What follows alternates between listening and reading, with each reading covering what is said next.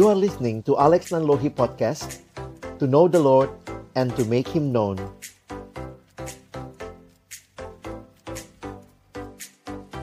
Shalom Bapak Ibu, Saudara yang dikasihi dalam Tuhan Yesus Kristus. Selamat tahun baru. Senang sekali mengawali tahun ini. Kita kembali boleh bersama-sama belajar dari firman Tuhan. Topik kita malam hari ini adalah Tuhan berjalan bersamamu. Satu topik yang menarik sekali mengawali tahun 2022.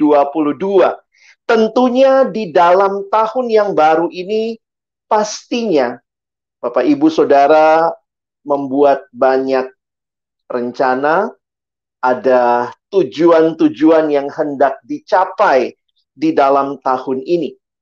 Namun saya ingin mengajak kita bersama-sama merefleksikan dalam tema kita malam hari ini. Tentunya tidak ada yang salah dengan merencanakan sesuatu, ingin mencapai sesuatu, tetapi mari kita belajar juga sikap hati yang tepat menyadari bahwa Tuhan berjalan bersamamu. Firman Tuhan malam hari ini saya ambil di dalam kitab Keluaran 33. Kita akan melihat dua ayat saja. Keluaran 33 ayat 15 dan 16. Demikian firman Tuhan. Berkatalah Musa kepadanya, berarti kepada Allah, jika engkau sendiri tidak membimbing kami, janganlah suruh kami berangkat dari sini. Dari manakah gerangan akan diketahui bahwa aku telah mendapat kasih karunia di hadapanmu, yakni aku dengan umatmu ini? Bukankah karena engkau berjalan bersama-sama dengan kami, sehingga kami, aku dengan umatmu ini, dibedakan dari segala bangsa yang ada di muka bumi ini? Bapak Ibu Saudara yang dikasihi dalam Tuhan Yesus Kristus, kata berjalan bersama ada di dalam bacaan yang kita baru saja lihat di dalam kitab Keluaran 33 ayat 15 dan 16. Bagian ini secara khusus berkesan bagi saya ketika juga beberapa tahun yang lalu mengawali tahun saya mendapatkan perenungan dari bagian ini kalau kita mau memahami dua ayat ini, kita perlu memahami konteksnya terlebih dahulu. Saya akan coba memberikan gambaran konteks dari ayat yang kita baru saja baca. Jika kita perhatikan konteks bagian ini, kita bisa melihat di dalam Keluaran 32 ada peristiwa anak lembu emas. Kita masih ingat umat Allah lama menanti Musa turun dari gunung itu, lalu kemudian di bawah komando Harun, mereka kemudian membuat anak lembu emas dan kita perhatikan Tuhan murka. Dan Tuhan membinasakan Israel karena pemberontakan mereka. Di dalam keluaran 32 ayat 27 dituliskan pada hari itu tewaslah kira-kira 3.000 orang dari bangsa itu. Wow, ini sebuah realita yang sangat mengerikan bahwa Allah yang hadir adalah Allah yang juga membalaskan apa yang menjadi pemberontakan mereka. Nah, di dalam realita itulah kita melihat Tuhan sedang membawa Israel ini keluar dari Mesir menuju ke tanah Kanaan. Nah, tetapi peristiwa anak lembu emas ini terjadi dalam perjalanan mereka menuju ke Kanaan. Apakah Tuhan berhenti untuk membawa mereka masuk ke Kanaan? Kalau Bapak Ibu Saudara perhatikan di dalam cerita yang kita baca di Keluaran 33 bagian awal, nah kita bisa melihat ya, ternyata setelah itu Tuhan menawarkan kepada Israel untuk memasuki tanah Kanaan. Jadi tetap Tuhan memenuhi janjinya dia mengatakan engkau akan masuk ke tanah Kanaan, aku akan membawa kamu masuk ke Kanaan, tanah yang berlimpah susu dan madu itu, tapi nah ini menarik ya. Nanti kalau Bapak Ibu Saudara ingin membaca Keluaran 33 ayat 1 sampai 5, Tuhan menawarkan, bukan aku yang akan berjalan bersama kamu, tetapi aku akan mengutus malaikatku Tapi Tuhan tidak akan berjalan bersama mereka karena Tuhan berkata, Aku Allah yang kudus, kamu bangsa yang tegar tengkuk. Kalau kalian memberontak lagi bisa mati lagi lebih banyak. Nah, dalam situasi seperti inilah kita menghayati. Dalam konteks inilah kita menghayati permohonan doa Musa di dalam dua ayat yang kita baca di awal tadi. Perhatikan ketika Tuhan menawarkan Israel tetap masuk Kanaan dan kemudian dipimpin oleh malaikat Tuhan tapi bukan Tuhan yang memimpin mereka, perhatikan permohonan Musa. Bagi saya menarik sekali Musa berkata, jika engkau sendiri tidak membimbing kami, jangan suruh kami berangkat dari sini.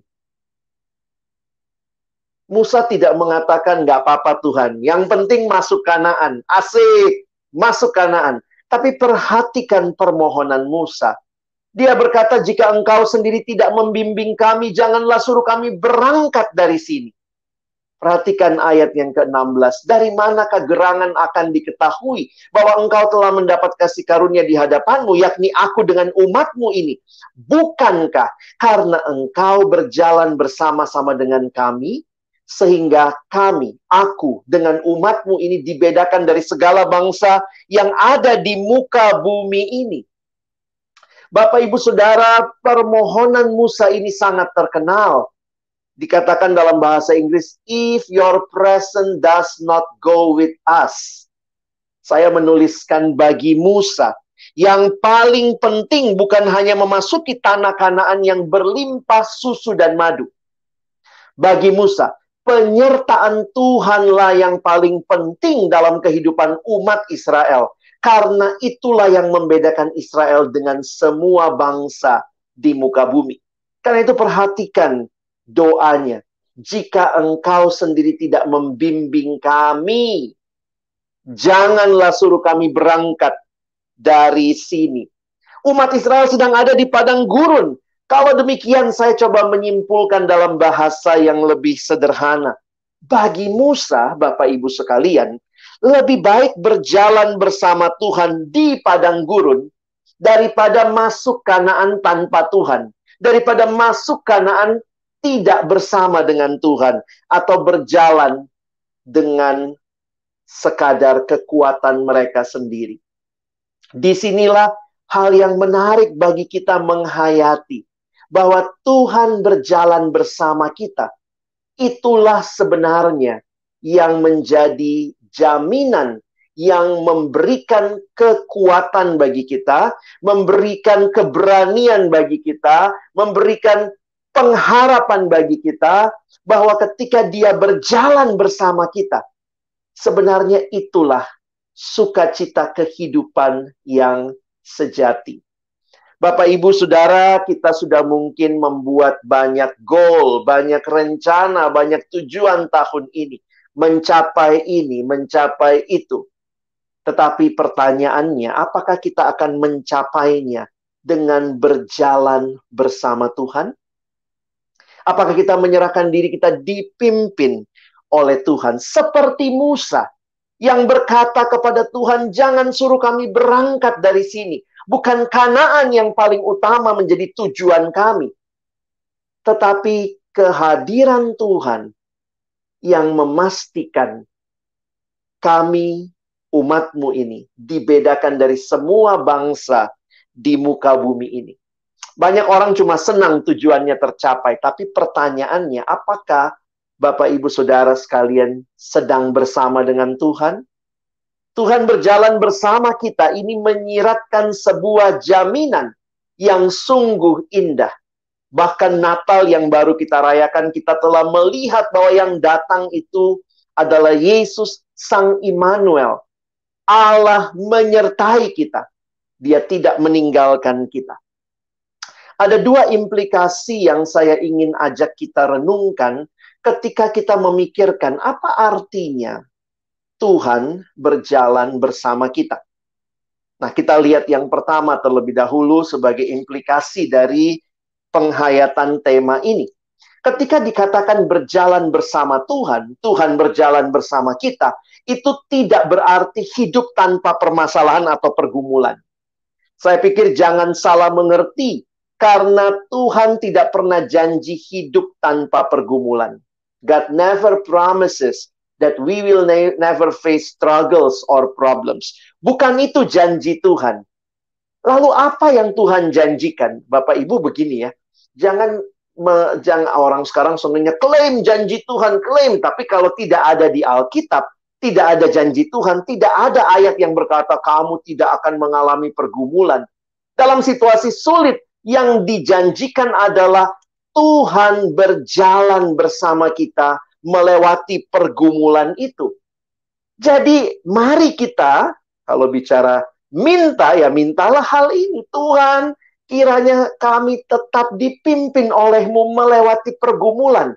Bayangkan Bapak Ibu Saudara sekalian, hidup bersama Tuhan bukan hidup tanpa pergumulan, tetapi hidup yang di tengah pergumulan kita tetap bisa sukacita.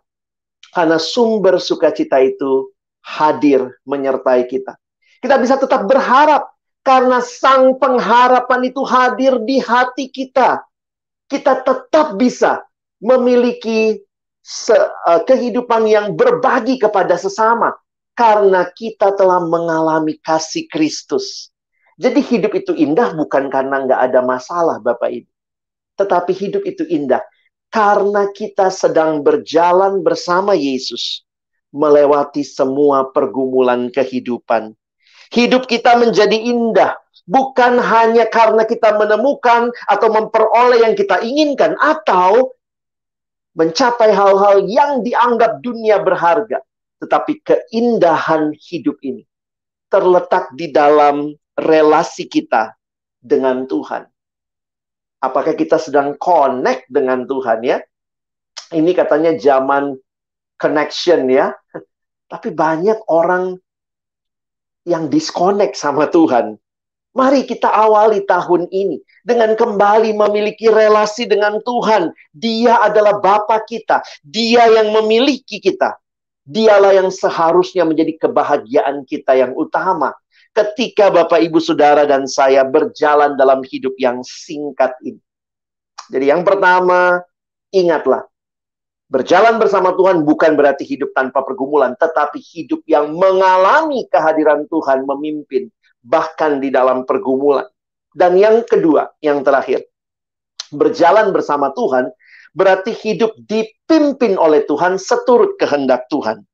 Bapak Ibu kira-kira apa konsekuensi waktu Musa meminta Tuhan tetaplah berjalan bersama kami? Berarti apa? Israel harus taat. Karena kalau tidak taat lagi maka peristiwa seperti anak lembu emas terjadi dan ada orang-orang yang bisa binasa. Makanya ketika Musa meminta itu, saya pikir ini dibarengi dengan sebuah sikap Tuhan. Berjalanlah bersama kami dan kami akan turut kehendakmu, turut perintahmu. Bapak Ibu Saudara berjalan bersama Tuhan bukan berarti kalau anak SMA yang saya layani bilangnya, aduh kak, tadi saya nyontek nggak ketahuan. Puji Tuhan, Tuhan bersama saya. Itu bukan. Karena disertai Tuhan, berarti hidup di dalam kehendak Tuhan. Hidup seturut apa yang Tuhan mau. Seturut dengan apa yang Tuhan mau. Dari mana kita tahu? Maka marilah membangun hidup yang berakar pada firman Tuhan. Bapak Ibu Saudara sekalian, berjalan bersama Tuhan, dipimpin oleh Tuhan sesu sesuai kehendak Tuhan. Dari mana kita tahunya? Sediakan waktu setiap hari membaca, merenungkan firman Tuhan. Karena di dalam firman-Nya lah kita memahami apa yang Tuhan rindukan. Kita memahami apa yang menjadi kehendaknya. Dan dipimpin oleh dia berarti kita mengikuti sesuai dengan apa yang dia mau. Mari mulai lagi kebiasaan kita membaca Alkitab setiap hari, membaca renungan setiap hari, mungkin mendengarkan khotbah, bara digital ministry ada setiap hari membahas firman Tuhan, biarlah kita dipenuhi oleh firman yang menuntun hidup kita. Kita masih ingat dikatakan firmanmu itu pelita bagi kakiku. Berarti kita lagi berjalan dalam dunia yang gelap. Firman itulah pelita bagi kaki kita dan terang bagi jalan kita. Di tengah-tengah masa pandemi yang dialami Indonesia bahkan seluruh dunia, kita saat ini masuk dalam tahun yang baru, masih banyak hal yang belum kita tahu apa yang akan terjadi, tapi satu hal yang pasti, Sang Immanuel, dia Tuhan yang berjalan bersama umatnya. Sehingga kesimpulan saya malam hari ini, indahnya hidup ini tidak hanya diukur dari apa yang kita capai, Bapak Ibu Saudara sekalian, tetapi bersama siapa kita mencapainya. Kiranya kita mencapainya di dalam ketaatan, dipimpin berjalan bersama Tuhan. Amin.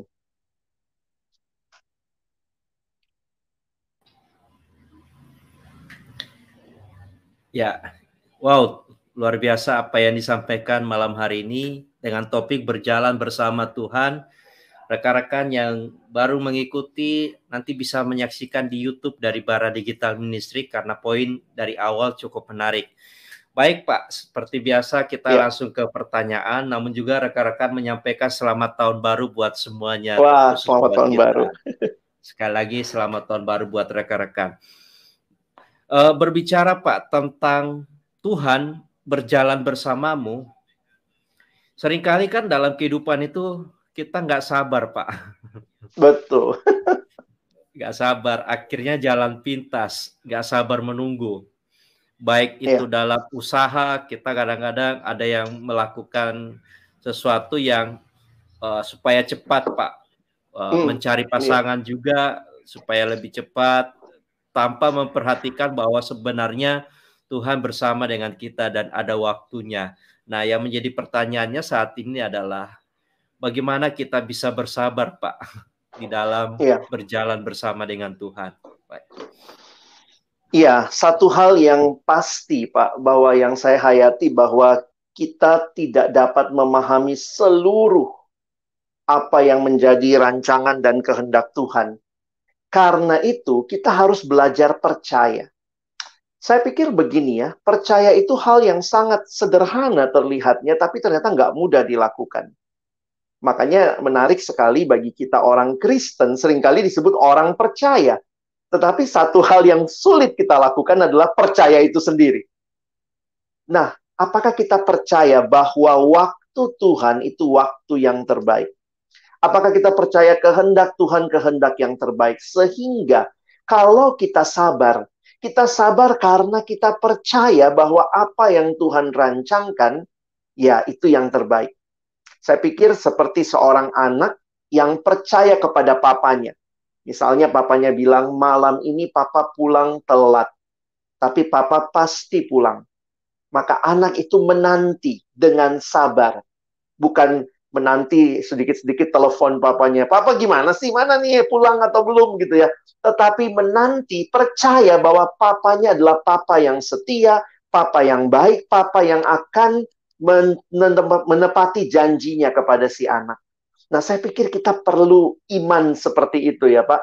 Nah, karena itu saya pikir firman Tuhan akan menjadi pedoman kita sehingga kita bisa benar-benar melihat apakah ini memang waktu Tuhan. Tuhan akan kasih kepekaan. Itu agak sulit dijelaskan, tapi saya yakin dalam relasi dengan Tuhan, Bapak Ibu Saudara akan memberi menerima atau mengalami kepekaan untuk menanti dengan sabar. Berikutnya yang perlu juga kita bangun komunitas. Komunitas sesama umat Tuhan yang mungkin juga kita bisa belajar dari mereka. Kita juga bisa mencari kehendak Tuhan melalui apa yang orang-orang di sekitar kita yang Tuhan hadirkan. Mungkin mereka membangun kita, menasehati kita, dan saya pikir itu hal yang menarik untuk sama-sama kita lalui bersama. Wow, terima kasih Pak. Ini ada yang bertanya Pak, berbicara ya. tentang tadi uh, melanjutkan tentang menanti Pak. Ya. Kadang-kadang kan kalau kita lihat uh, contoh yang ada di Alkitab ketika bangsa Israel ada di padang gurun, nggak sabar menunggu Musa, mereka buat lembu mas. ya. Padahal kan setiap hari Tuhan sudah sertai. Kemudian kalau kita lihat Saul belum saatnya untuk mempersembahkan korban justru dia menggantikan peran seorang imam. Nah, iya. yang menjadi pertanyaan adalah bagaimana Pak kita mengontrol diri Pak supaya kita itu nggak gegabah dalam hal ini. Kalau hmm. tadi me, me, menindaklanjuti karena pasti ada dampak Pak penyesalan yang yang besar ya. Pak. Baik.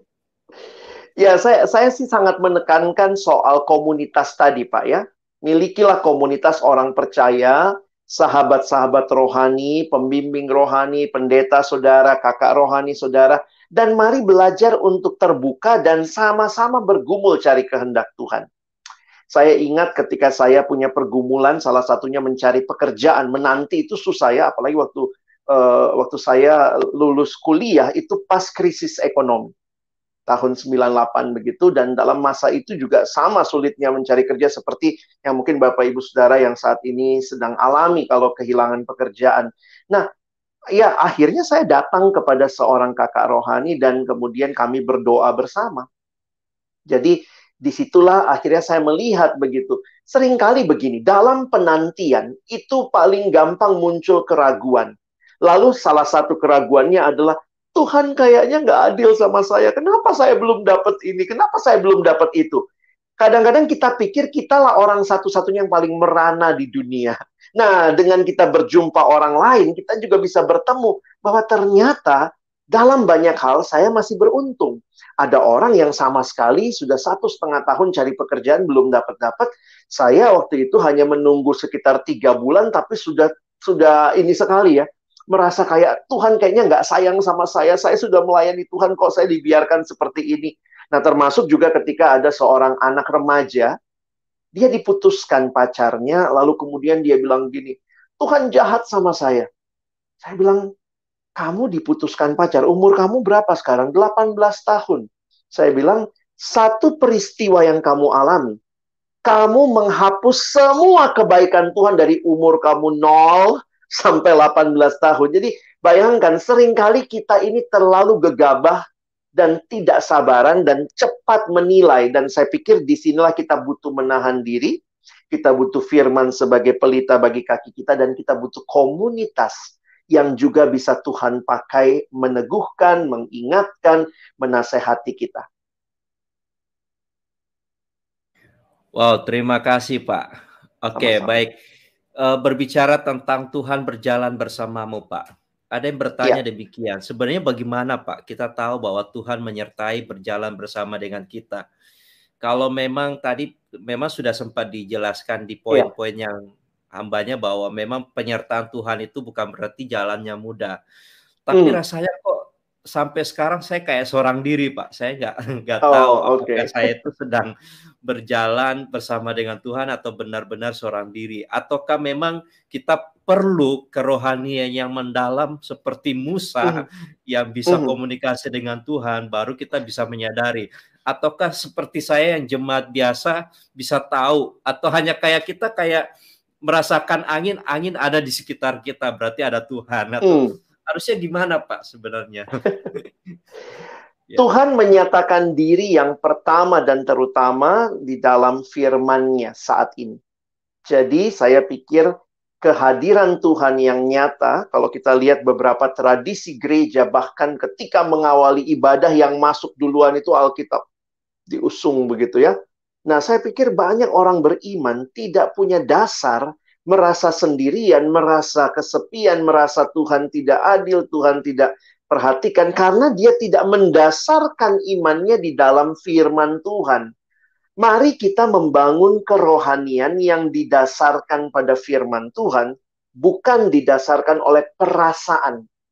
Bapak Ibu, saya tidak mengatakan perasaan itu tidak dibutuhkan, tetapi saya harus katakan bahwa perasaan bukanlah kompas kehidupan, karena perasaan kita itu up and down, naik turun. Bahkan perasaan itu pun di dalam kitab Efesus dikatakan sudah tercemar dosa. Jadi jangan jadikan perasaan kita sebagai kebenaran. Misalnya, saya rasa Tuhan sedang meninggalkan saya. Saya nggak ngerasain Tuhan hadir dekat saya. Itu perasaan saudara. Lalu bagaimana menghayatinya? Baca firman Tuhan. Waktu kita membaca, kita melihat firman itu hidup dan menegur kita, mengoreksi kita, menegaskan kepada kita bahwa Tuhan tetap hadir, dan kita pegang firman-Nya, saya pikir di situlah langkah yang Tuhan akan bangun bagi Bapak, Ibu, Saudara untuk menolong kita melihat kepada dia lebih nyata. Jadi sekali lagi, bangunlah iman berdasarkan firman, dan ketika Bapak Ibu hidup dalam firman-Nya, saya yakin kita akan menikmati, ya, dipimpin oleh Tuhan. Saya sering kali bertemu, karena pengalaman saya banyak di remaja. Ini anak remaja itu mintanya begini ya, tapi ternyata ini juga per, pertanyaan banyak orang dewasa. Kak Alex, Kak Alex, saya nggak tahu bagaimana rencana Tuhan. Saya ingin tahu Tuhan mau apa dalam hidup saya. Oh begitu ya, kamu pingin tahu dek? Iya kak. Saya bilang, wah, kamu rajin baca Alkitab. Nah itulah kak, saya lagi sibuk banget ini lagi kelas 3. Aduh susah sekali. Oh ya, mau tahu kehendak Tuhan? Tidak kasih waktu baca firman. Mau tahu Tuhan berjalan bersama kita. Tapi kita tidak percaya firmannya, tidak pernah dibuka, tidak pernah dibaca. Sehingga saya pikir itu hanya jadi wacana dan akhirnya apa yang dikatakan Tuhan berjalan bersama kita cuma jadi sebuah teori semata. Kalau Bapak Ibu Saudara mau berjalan bersama Tuhan, beri diri saudara dipimpin oleh Tuhan melalui firman-Nya, baca dan renungkan setiap hari. Saya yakin di situ Tuhan menyatakan, ya, memang tidak secara audible kayak ke Musa ya, berhadapan muka dengan muka, tapi firman itu akan hidup dan menerangi jalan kita.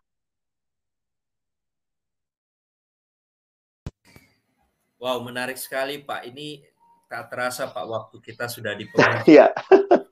Ada satu pertanyaan terakhir Pak dari rekan kita di YouTube dari Hero, Hero Spart. Dia menyampaikan demikian Pak. Apakah pertanyaan Musa tentang keraguan penyertaan Tuhan yang membuat Musa pada akhirnya gagal masuk tanah Kanaan walaupun prosesnya melalui mata air kalau nggak salah di sini meriba Pak. Oh oke. Okay. Kalau Baik, kalau Bapak ya. pertanyaan yang lain juga seperti ini Pak. Penyertaan ya, silakan, Tuhan Pak. di zaman Musa dengan zaman sekarang apakah sama atau berbeda Pak? Karena yang diketahui kalau zaman Musa ketika tidak setia kepada Tuhan langsung dihukum.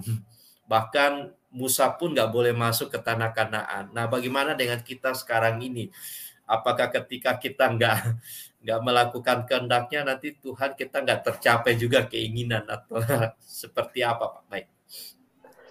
Iya, ini menarik. Sebenarnya butuh pembahasan lebih panjang, tapi secara sederhana saya harus katakan begini, bahwa penyertaan Tuhan terhadap Musa, Allahnya tetap sama. Yang menyertai Musa itu juga yang menyertai kita. Dan Allah yang sama adalah Allah yang berbicara. Bagi saya ini yang penting. Bahwa ketika berhadapan muka dengan muka, maka Allah berbicara.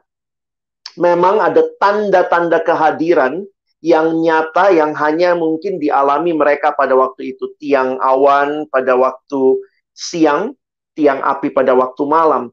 Nah, tetapi inti dari relasi Tuhan dengan Musa adalah komunikasi, berbicara muka dengan muka sehingga bagi saya dalam konteks saat ini saya harus katakan bahwa firman Tuhan itulah Tuhan berbicara kepada kita kita menyampaikan doa kita kepada Tuhan. Nah, saya pikir ini spiritualitas yang harus kita bangun di dalam kehidupan beriman kita.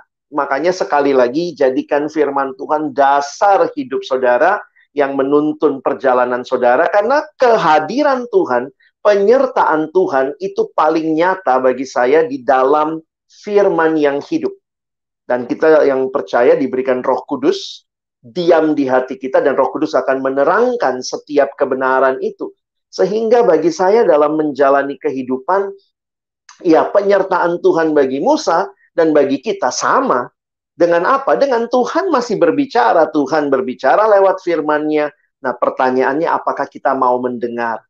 Mengapa di dalam perjanjian lama ada orang yang langsung mati ketika tidak taat kepada Tuhan? dan bagaimana kita melihatnya sekarang. Saya pikir pembahasan yang panjang bisa kita bagikan, tetapi secara sederhana jangan merasa karena kayaknya Tuhan sekarang kurang tegas seperti di perjanjian lama, lalu kita kayaknya nggak apa-apa lah bikin dosa aja, toh Tuhan kayaknya lebih bermurah hati zaman sekarang dibanding zaman perjanjian lama. Di dalam Roma pasal yang kedua, nanti Bapak Ibu bisa cari di ayat bagian terakhir, dikatakan janganlah kamu anggap sepi kemurahan Allah, kesabaran Allah, karena ternyata itu adalah kesempatan untuk orang bertobat. Jadi ketika Bapak Ibu Saudara yang hidup dalam ketidaktaatan, ih kok masih hidup saya, buktinya saya nggak taat, jangan berpikir wah asik gitu ya, tetapi itu kesempatan untuk kita bertobat. Bagaimana tentang Musa dan Meriba? Saya harus katakan sebenarnya cerita ini pada akhirnya tetap Tuhan yang memimpin Israel. Kalau Bapak Ibu Saudara membaca kisah ini bahwa tetap Tuhan yang tadinya kan Tuhan menawarkan, aku akan utus malaikat. Tapi Musa memohon dan Allah mengabulkan doa Musa. Nah, karena itu saya harus katakan ketika Musa sendiri juga tidak taat, maka ingat penyertaan Tuhan itu seturut kehendak Tuhan. Sehingga ketika Musa tidak taat, maka konsekuensinya waktu itu adalah dia tidak masuk Kanaan. Jadi secara sederhana sebenarnya tidak ada yang terlalu berubah. Prinsip-prinsipnya tetap sama di dalam hal ini. Mungkin begitu Pak. Wah ini cukup menarik Pak. Izinkan karena masih penasaran ya. Pak. Uh, boleh boleh Pak.